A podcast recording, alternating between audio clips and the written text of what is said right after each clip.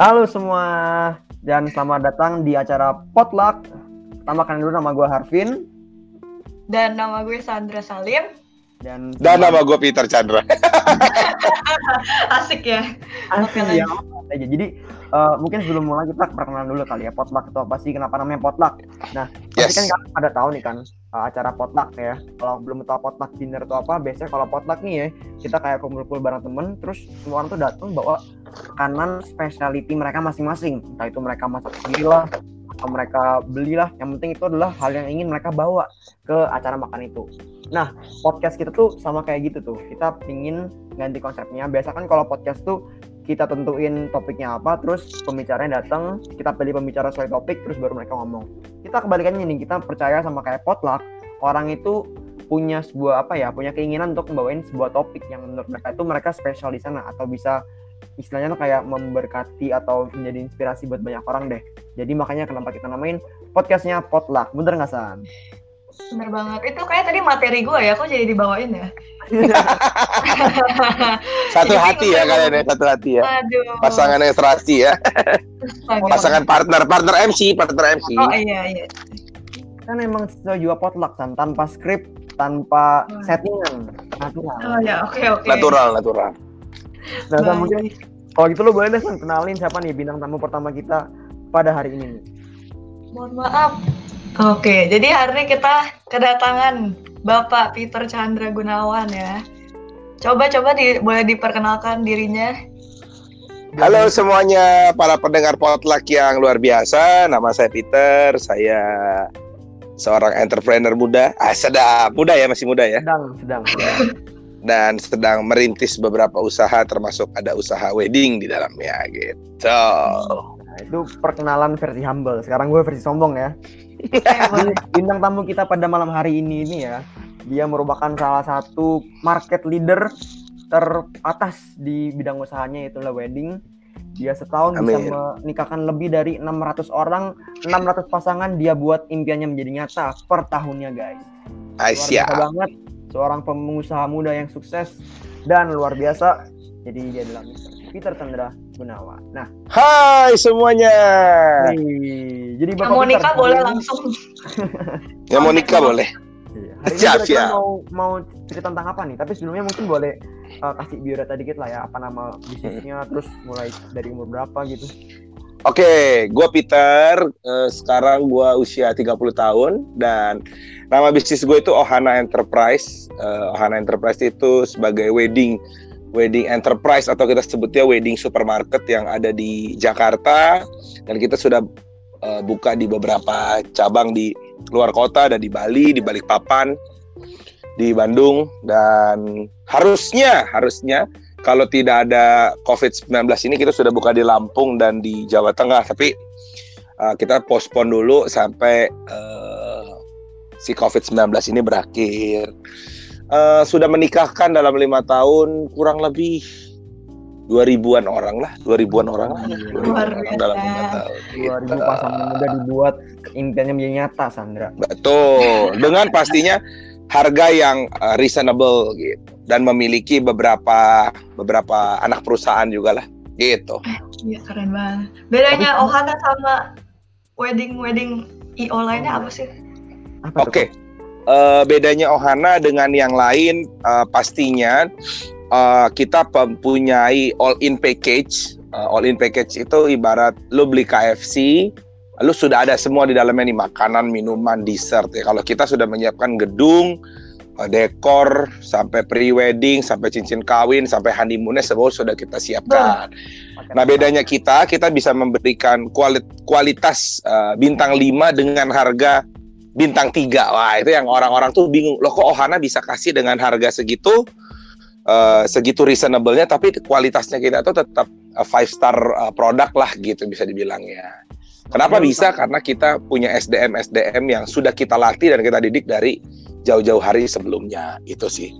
Nah, kalau lu lupa tambahin kok, lu bilang, Sam, hmm. Sandra kalau nggak percaya, boleh dicoba hmm. weddingnya. Wah, iya, iya, iya boleh dicoba iya iya iya iya ya. bener benar benar benar nanti Nanti kalau Sandra sama Harvin juga mau menikah, pasti mendapatkan harga spesial. Loh, maksudnya Sandra menikah dengan pasangannya entah siapa, iya. Harvin menikah dengan pasangannya entah siapa kan bisa, betul dong? Ada Iya, betul, ya. betul. Tetap Betul, di betul. sini ya. Ya, betul betul. Tapi emang kayaknya setahu gue nih, setahu gue sih belum ada nih wedding organizer yang bisa sampai buka cabang di kota-kota sampai luar kota lebih dari satu kota tuh kayaknya belum ada ya. Maksudnya kan biasanya belum ada. WO kan nama orang siapa WO gitu ya, atau namanya siapa terkenalnya orangnya itu gitu ya. Jadi ya, Ya, karena mungkin vis- emang keren gitu ya. Visinya, visinya kita itu kalau di luar kota eh, pengen orang-orang di daerah itu dapat harga yang baik dengan kualitas yang baik. Kenapa? Karena di luar Jakarta dan kota-kota besar lah ya.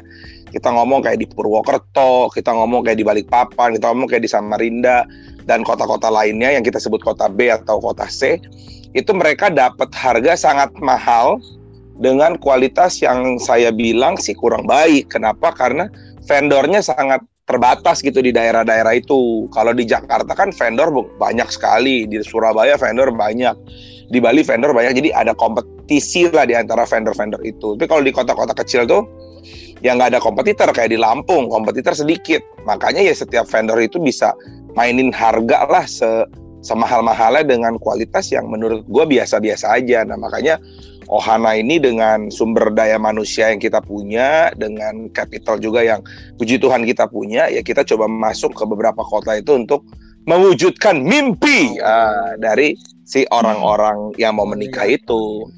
Mulia. Betul. Jadi sebenarnya ini mungkin ini pelayanan juga nih ya, bukan bisnis nih ya. Ya, eh, ya bisnis dan pelayanan lah jadinya. Oh iya, keren keren keren. Betul. betul. Oke, ya udah, ini kan kita kan sesuai dengan spiritnya potluck ya. Uh, Mm-mm. kita bebasin ke ke gestarnya mau apa. Jadi hari ini Bapak Peter Chandra Gunawan, apa tema yang mau dibawa yang bisa memberikan dampak nyata nih bagi anak-anak muda yang mendengar podcast ini ada lebih dari ribuan orang yang mendengar mau Ah, jadi siap! self development, Amin. bisnis entrepreneur, karir, produktivitas. Silakan Bapak Peter. Oke, Silakan. jadi eh, Harvin dan Sandra ini menurut gua ya, ini hal yang yang unpredictable banget di dalam dunia bisnis hari-hari ini. Kita itu eh, masuk dalam satu pandemi COVID-19 yang pasti pendengar ini semua udah dengar, udah tahu semua. Bahkan data terakhir di hari ini di dunia itu sudah mencapai satu setengah sampai 2 juta orang yang terinfeksi virus ini dan dunia bakal berubah nih ke depan. Ya bisnis bakal berubah, tatanan ekonomi bakal berubah dan ini tuh satu-satunya krisis dunia yang terjadi ya. Jadi semua dunia. Jadi bukan hanya Amerika, bukan hanya Eropa, bukan hanya Indonesia, bukan hanya Asia, tapi seluruh dunia mengalami krisis. Seluruh dunia. Nah, pasti setelah pandemi ini selesai dan kita berdoa secepatnya akan selesai, tapi akan ada sesuatu yang berubah. Ya, seperti kita lihat sekarang restoran-restoran yang tidak mengandalkan digital, ya restoran-restoran yang tidak mengandalkan online itu mereka sudah pada tutup. Ya, seperti saya juga wedding-wedding organizer yang hanya mengandalkan pameran, mereka pasti akan tutup. Apalagi kayak saya nih WO ya. Setelah ini tidak mungkin ada eh, pameran-pameran dalam waktu dekat. Kayak karena pameran itu pasti nggak boleh karena pameran itu akan dibatasi jumlahnya. Lalu bagaimana dong terobosannya? Terutama anak-anak muda yang dengerin podcast ini, yang gua harap denger dengerin podcast ini yang hashtagnya di rumah aja. Kita tuh di rumah aja bukan cuma nonton YouTube, bukan cuma main Instagram, tapi harus ada yang kita pikir. Ya kayak gua di rumah dan gua masih meeting sama tim gua di kantor, kita pikirin nih. Setelah ini bakal ada sesuatu yang berubah menurut gua gitu ya dari sisi, bisnis dari sisi apa pun gitu ya ekonomi akan sangat bergeser gitu. Nah ini sih sebenarnya tantangan lah buat anak-anak muda kalian kita ini anak-anak terutama kalian yang masih mau masih kuliah. Sebenarnya tantangan bagi kita ini ini bakal banyak perubahan. Nah, ketika ada perubahan itu akan muncul pemain-pemain bisnis yang baru yang bisa menjawab tantangan. Menurut gua dengan adanya masalah ini, dengan adanya problem ini akan ada peluang bisnis yang besar. Oke. Jadi Jadi buat anak-anak muda yang lo lagi di rumah aja, yang lagi nggak punya jadwal kuliah, lo harus pikirin bisnis yang out of the box, ya. Yang setelah ini apa sih orang gitu. Nah menurut gua uh, ada beberapa hal ya yang bakal uh, boom setelah ini. Yang menurut gua sih yang pertama bisnis tentang kesehatan. kesehatan. Ya buat buat pendengar potluck nih uh, kayak misalnya lu mau jual dulu orang jual makanan sehat mungkin rada susah. Karena gua mau makan apa pun ya sehat-sehat aja tuh orang Indonesia. Orang Indonesia mau makan borak, mau makan bakso di pinggir jalan, dia mau makan tempe yang udah diangetin tiga empat hari juga fine fine aja. Tapi setelah ini apakah orang masih mau seperti itu? Gitu. Menurut gua enggak gitu loh. Jadi orang apakah orang masih mau menggunakan penyedap rasa dengan banyak? Menurut gua enggak. Karena akan ada sebuah pergeseran um, tatanan ya. Tatanan itu maksudnya akan ada sebuah kebiasaan-kebiasaan baru yang nanti menjadi ke sebuah kebiasaan biasa.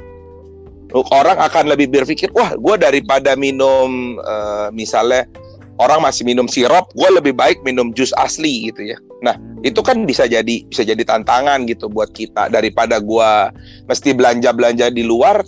Gimana gue bikin mungkin frozen food, tapi ya memang gue pakai bahan-bahan yang uh, nggak uh, tidak mengandung MSG dan pengawet dan segala macamnya.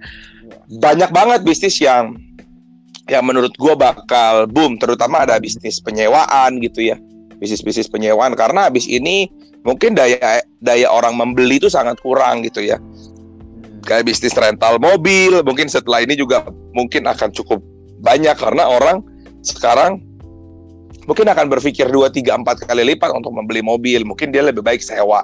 Jadi, tapi dengan aplikasi semuanya gitu ya, dengan dengan teknologi, teknologi pastinya. Ya. Benar, Betul.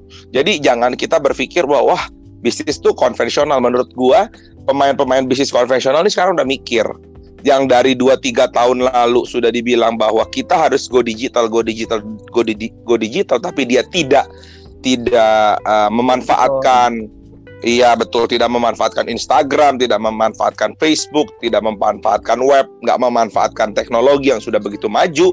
Menurut gua akan ketinggalan banyak, Vin. Jadi kalau menurut gua buat teman-teman pendengar potluck itu kalau sekarang lu lagi banyak di rumah, kalau lu lagi banyak punya waktu luang, kita sekarang nggak mungkin bisnis sekarang gitu, tapi ya udah mulai coba catat, gua habis ini mau ngapain ya, gitu loh. Ada kerjaan-kerjaan apa nih? Kayak gue di uh, bisnis wedding mungkin gue nggak bisa ceritain semua tapi gue mau ngomong apakah nanti orang masih mau makan sharing sama orang lain kayak prasmanan juga gue belum gue belum tentu juga orang mau hmm. gitu. Jadi karena uh, pegang sendok prasmanan kan semua orang pegang itu gitu. Apakah orang masih datang ribuan orang ke, ke pesta kawinan kita nggak ada yang tahu jadi kita mesti siapin planning planning baru di dalam dunia bisnis karena perubahan itu pasti akan datang. Kalau kamu nggak siap terima perubahan ya kamu yang akan dilindes atau digilas sama perubahan itu. Jadi hmm. bagi gue sih uh, kreativitas tuh harus tetap ada gitu ya. Dan lu anak-anak muda kita, gue termasuk gue, kita harus tetap produktif nih hari-hari ini. Gitu ya dengan dengan krisis yang ada ini kita tetap harus produktif gitu. Dan harus tetap buka link sebanyak-banyaknya gitu. Benar-benar. Mungkin sekarang malah ini kali ya kalau gue bilang kan dulu kan orang-orang tuh disuruh udah mulai bertahun-tahun lah ya bisnis konvensional tuh dibilang ayo dong go digital go digital sekarang mereka malah tidak punya pilihan lain ya nggak Iya, yeah, they, they don't have a choice gitu sekarang. Maksud gue, lu nggak punya pilihan kayak tukang sayur aja ya. Gue udah berkeluarga, gue pasti tiga empat hari sekali gue harus eh, ke pasar gitu.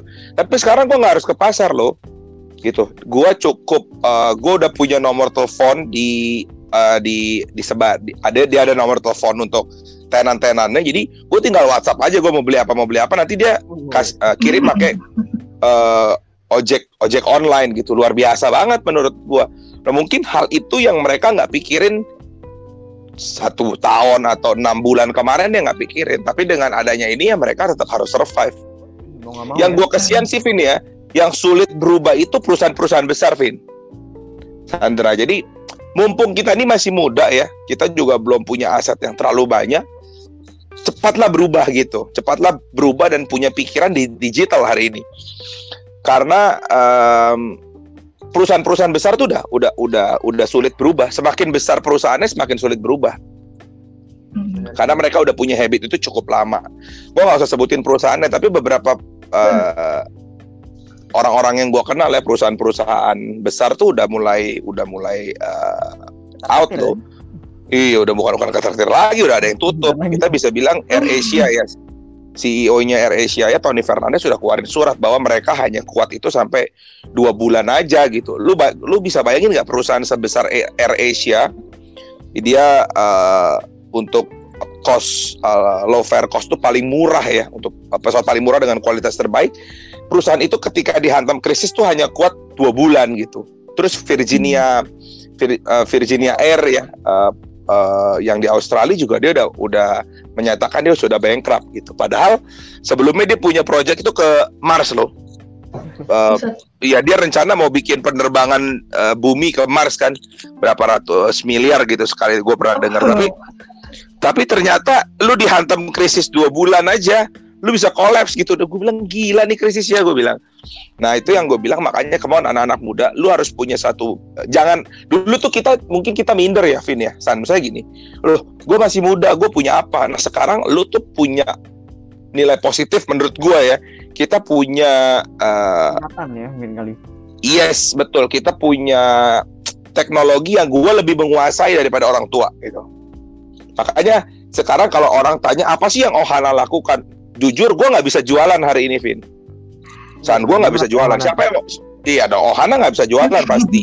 Siapa yang mau beli? Ya siapa yang mau nikah hari-hari ini betul dong. Nah tapi apa yang gue kuatin? Yang gue kuatin gue punya karyawan itu sekitar 80 orang. 80 orang tuh full time ya. Eh, benar-benar di kantor.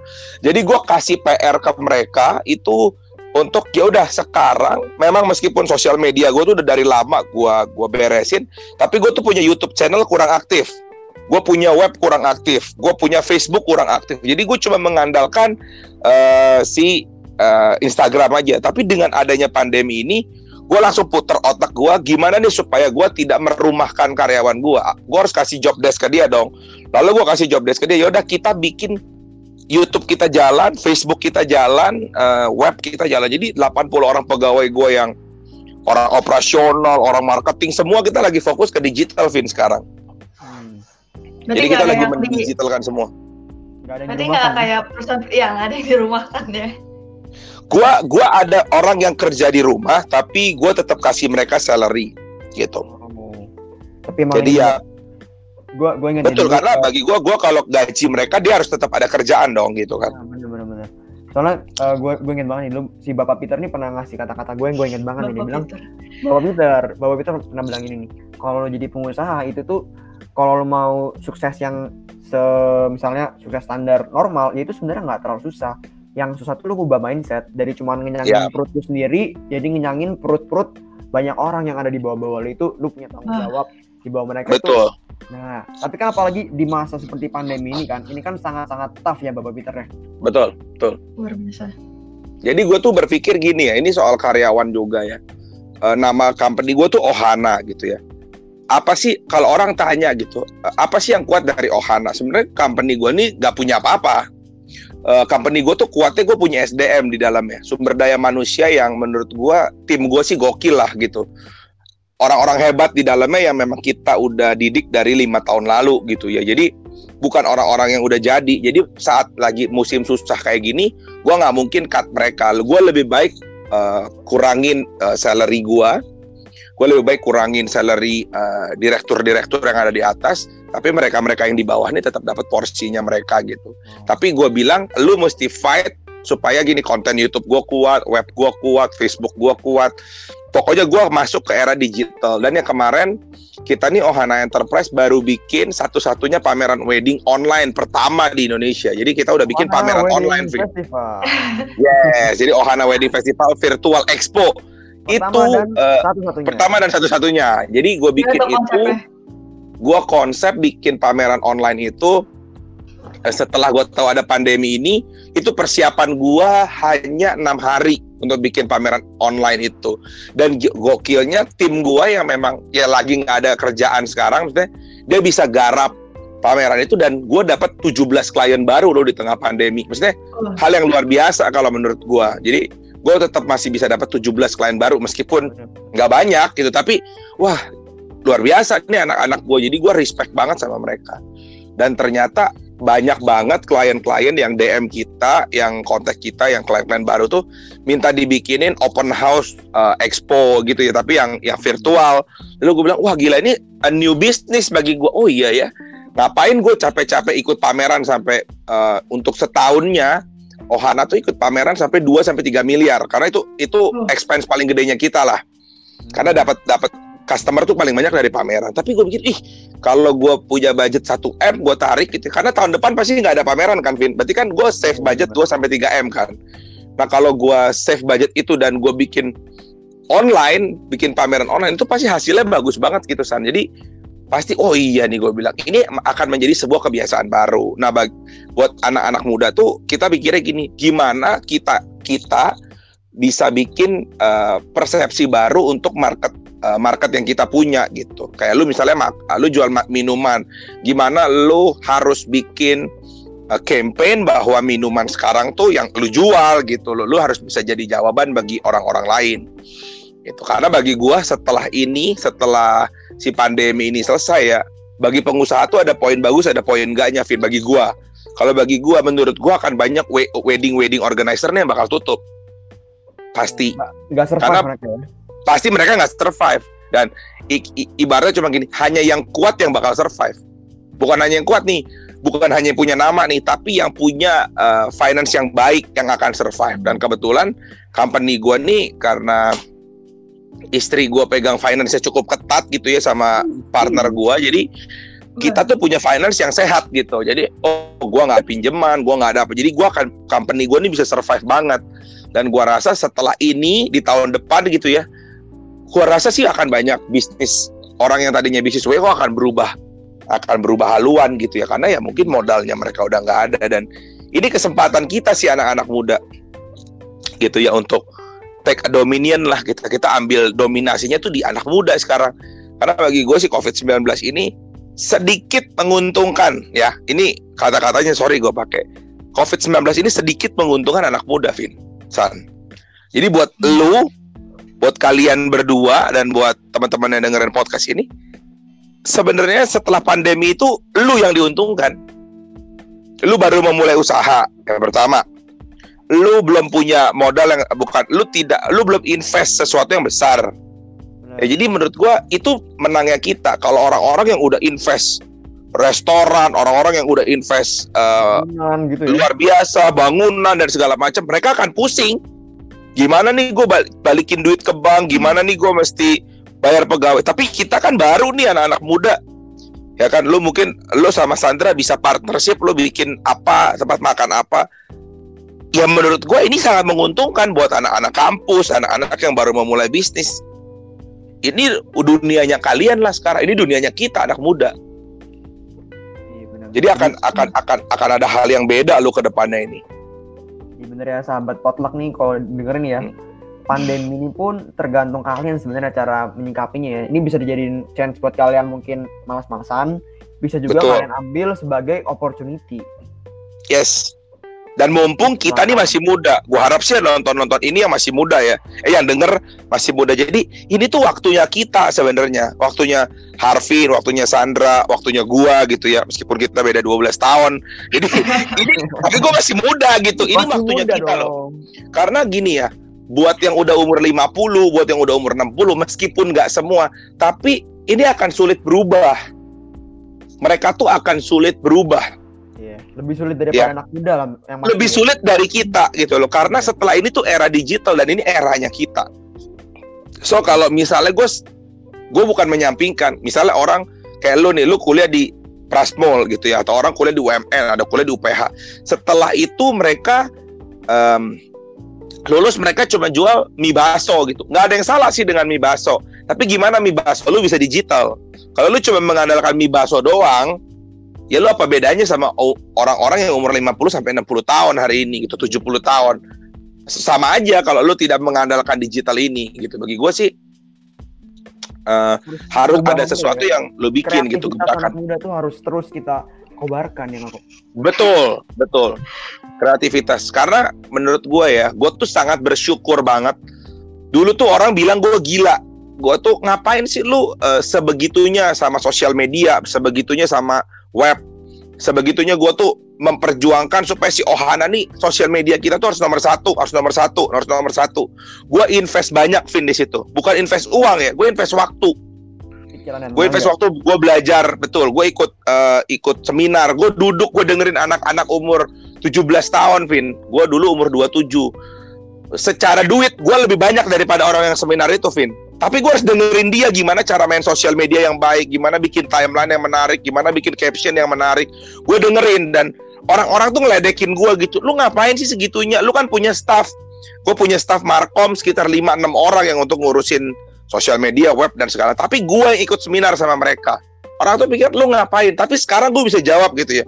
Gue itu fokus ke sosial media, gue sosial, gue fokus ke online uh, penjualan online gue supaya di saat masa-masa seperti ini, masa-masa sukar seperti ini, gue tetap punya income. Di saat semua orang sekompetitor-kompetitor gue, ya gue masih ngobrol lah ya sama kompetitor gue juga.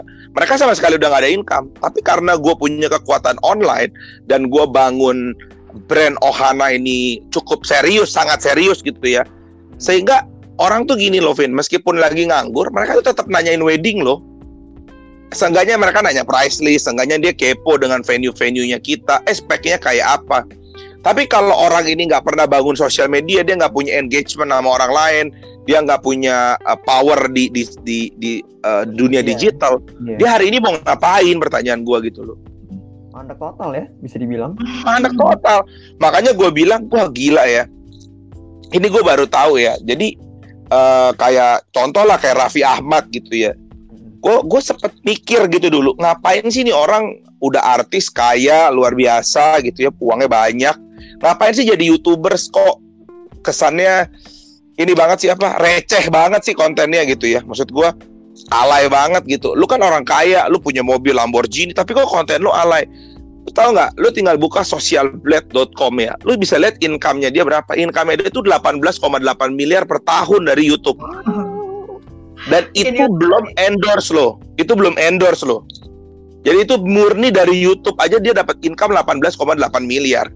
Can you imagine gak guys bahwa dunia digital tuh bener-bener gila. Bukan gue suruh kita jadi youtubers doang ya. Lo boleh jadi youtubers tapi apa pun bisnis lo, lo sekarang harus digital. Anak muda harus digital. Kalau lo cuma ya mengandalkan mulut ke mulut dan segala macam, ke depannya nih orang berkumpul tuh akan sedikit, Vin karena virus ya, ini tuh hidup orang tuh berubah gaya hidup orang tuh akan berubah karena ke depan tuh orang mungkin nggak kayak dulu lagi gitu. Orang shopping ya dulu Tokopedia uh, Tokopedia Bukalapak aja kan sudah mulai menggantikan tuh si mall-mall online mall-mall yang konvensional kan ya standnya apalagi yang cewek tuh suka banget belanja online. Aduh. Lu, lu bisa kebayang nggak ke depannya dulu aja kita belanjanya udah online nih generasinya kita nih ya. Gua, lo gitu gitu udah belanja online. Nah, apalagi setelah si pandemi ini selesai. Semua orang pasti akan belanja online loh. Karena apa? Sayur aja udah belanja online sekarang. Sayur box. Betul dong. Nah, makanya kalau kayak sayur belanja online, lu sekarang bisa nggak cari buat anak-anak muda nih, lu bisa nggak cari petani yang ada di puncak Cisarua dan segala macamnya itu, mereka punya barang fresh dan lu punya aplikasinya lu mau kita modalnya apa sih? Gojek modalnya apa sih? Aplikasi. Iya, bener. gila gue bilang.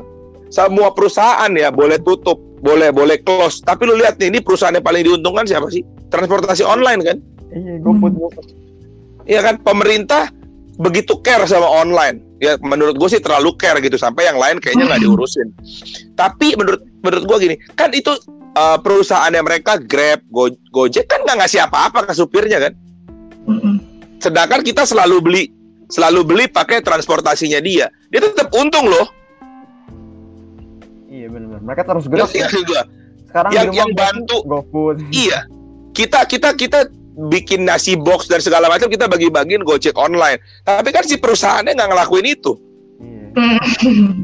Dan sedangkan kita tetap belanja, beli kopi lah, beli sayur lah, pakai transportasinya dia. Dia tetap untung kan. Tapi menurut gue itu nggak salah itu menurut gue itu pinternya mereka yang udah mikir ini 10 12 tahun yang lalu dan online itu udah pasti jadi jawaban. Benar. Online udah pasti jadi jawaban. Jadi denger ya sahabat potluck nih ya di tengah pandemi ini ini kesempatan buat kalian manfaatin bener-bener nih namanya power of social media and digital tuh bener-bener kuat banget. Jadi mungkin ya. sebagai recap terakhir nih ya gue pengen nih Bapak Peter kasih kasih tips buat mereka yang nanti mungkin either di tengah pandemi ini atau setelah corona ini berakhir mau memulai bisnisnya sendiri mau jadi entrepreneur mungkin boleh share dikit lah tips and trick entrepreneur Oke, awal gua- tuh gimana sih? Hmm. Gue kasih tips dulu nih. Kalau yang bisnisnya udah jalan, yang pertama ya, yang kayak gue nih, bisnis gue udah jalan. Hmm. Yang pertama, lo harus go digital. Ya, lo mungkin selama ini investasiin diri lo untuk cari sales, cari apa, eh, cari sales lah. Sekarang lo udah harus fokus as a owner nih, sebagai owner-owner muda kalian yang bisnisnya udah jalan, kalian harus investasi ke digital, harus go digital. Yang kedua, kalian hari ini harus harus semua harus bisa sendiri. Pasti akan ada banyak pemotongan eh, karyawan. Jadi sebagai uh, entrepreneur lu juga harus ngerti finance sedikit-sedikit, lo harus ngerti marketing sedikit-sedikit. Jadi lo harus ngerti apa pun itu, meskipun lo nggak ahli di bidang itu. Buat yang belum mulai bisnis, ini kesempatan kalian guys. Ini kesempatan kalian karena yang pertama lu belum keluarin modal apa-apa. Setelah si pandemi ini kelar, lu harus cari bisnis yang menjadi kebutuhan buat orang-orang yang sekarang banyak kan di rumah aja. Ya. Jadi buat yang belum mulai usaha, mulailah cari kalian jadi distributor tapi distributor-distributor online. Gitu ya. Jadi kalau menurut gua pesan gua sih digital itu udah jadi satu keharusan yang harus lu pelajarin. Ya. Kenapa? Karena kalau lu kuat digital lu kuat, lu juga bisa diakuisisi sama perusahaan-perusahaan besar. Nah, itu yang akan bisa menjadi sumber uangnya kita. Dan buat yang udah berumur, yang papahnya bisnis yang mengalami papa orang tuanya lah mengalami goncangan, ya udah lu harus ajarin juga nih bonyok lu Digital. supaya go digital. Misalnya papa lu jual kue tiaw selama ini kue tiawnya rame banget, nggak perlu Gojek juga udah rame. Ya udah, sekarang lu mesti ajarin bokap nyokap lu untuk go digital supaya usaha keluarga lu tetap selamat. Itu aja sih dari gua. Hmm. Jadi Oke. semoga sahabat potluck semua ini dapat apa ya motivasi dan inspirasi dari sebenarnya kalau gue pikir nih ya bisnis wedding ini sebenarnya salah satu yang paling kena seharusnya seharusnya gue gue tuh Bapak Peter ini bakal yang malah paling cemas paling Stres ya. iya tapi ternyata justru kita dia. mendengarin iya justru kita dengerin dia justru terinspirasi justru terinspirasi Sandra Terkesima gue sampai speechless. Wow. wow Kayak diem doang gue. jadi jangan takut guys kalian mau bikin YouTube mau dikatain orang alay atau dikatain receh Iyalah, biarin biarin ya kan Bikin podcast. Ya, yang penting masih lama-lama Ya udah lah. mereka ngatain Apa-apa alay lah. cuma kesel ya kan kita kalau berhasil iya. dikatain alay tapi dapat duit ya nah jadi eh, yaudah sahabat potluck mungkin kalau kita rekap dikit nih buat kalian yang mau buka usaha baru nih atau mungkin kalian yang eh, usahanya sekarang lagi terkena problem di, di tengah pandemi ini pertama ah, kalian harus banget belajar untuk go digital ya. Harus mau belajar hal baru terutama di dunia sosial media karena itu powerful banget guys. Yang kedua kalian harus serba bisa. Mau kalian orang marketing nggak ada alasan lagi tuh ah gua kan orang marketing nggak bisa angka nggak ngerti finance. Nggak boleh lagi kan harus ubah mindset itu untuk jadi seorang entrepreneur yang tangguh. Bener nggak Sandra Bener banget. Bener banget, bener banget. Apalagi ya, mau tambahin apa lagi? Kalau yang gue pengen dapet sih tadi, kalau misalnya di tengah pandemi kayak gini, pasti kita harus melewati perubahan. Terus kita harus cepet adjustnya. Eh, Yap. Gak boleh kalah lah gitu. Terus juga, ya kalau misalnya perubahan dengan cepat itu pasti ada ada bumpsnya, ada kendalanya, tapi harus dilewatin. Eh, contohnya ya, misalnya tutor aja nih, baru launching website kan, eh, sekalian jualan lagi ya kan? guys. Walaupun Siap. kan udah ujian ya kan? Nggak apa-apa. Yang baru launching website mungkin banyak yang kena kendalanya terus kalian komplain ke kita. Nggak apa-apa komplain yang banyak aja guys. Kasih kita feedback sebanyaknya karena kita juga kalau misalnya perubahan kayak gini pasti banyak kendalanya. Nah makanya kalau misalnya lagi mengalami keadaan-keadaan khusus kayak gini kita harus cepat adjustnya harus ya nggak boleh pantang men- harus pantang menyerah. Bener ya sih? Pantang menyerah? Iya gitu. Pantang menyerah, Betul. tangguh entrepreneur itu guys. Maka itu Oke. kita potluck by tutorial ini kita percaya bahwa belajar itu bukan cuma di kampus guys. Belajar itu salah satunya dengerin podcast ini. Nanti kita bakal undang pembicara lainnya ada entrepreneur ada profesional muda juga jadi kita akan bawa orang-orang inspiratif nih supaya memberikan pelajaran bagi kalian yang di luar kampus nih supaya mendengar podcast itu walaupun kalian cuma work from home stay at home kalian tetap terinspirasi untuk self develop, untuk bisnis, untuk berkarir dan stay produktif. Oke, terima Emang. kasih banyak buat Bapak Peter Chandra Gunawan. Semoga semua yang mendengar terberkati dan semoga Bapak Peter dan usahanya Ohana terus maju. Amin, amin ya Allah, amin. Jangan lupa, jangan lupa cari Ohana. Loh, Oke, kalian juga ya kalau mau nikah cari Ohana ya. Iya, ntar ya, masih lama ya menikahnya. Iya iya iya iya iya iya. Oke deh, bye bye bye bye. Bye bye semuanya. Terima See you di kasih. next episode of Potluck by Tutor aja.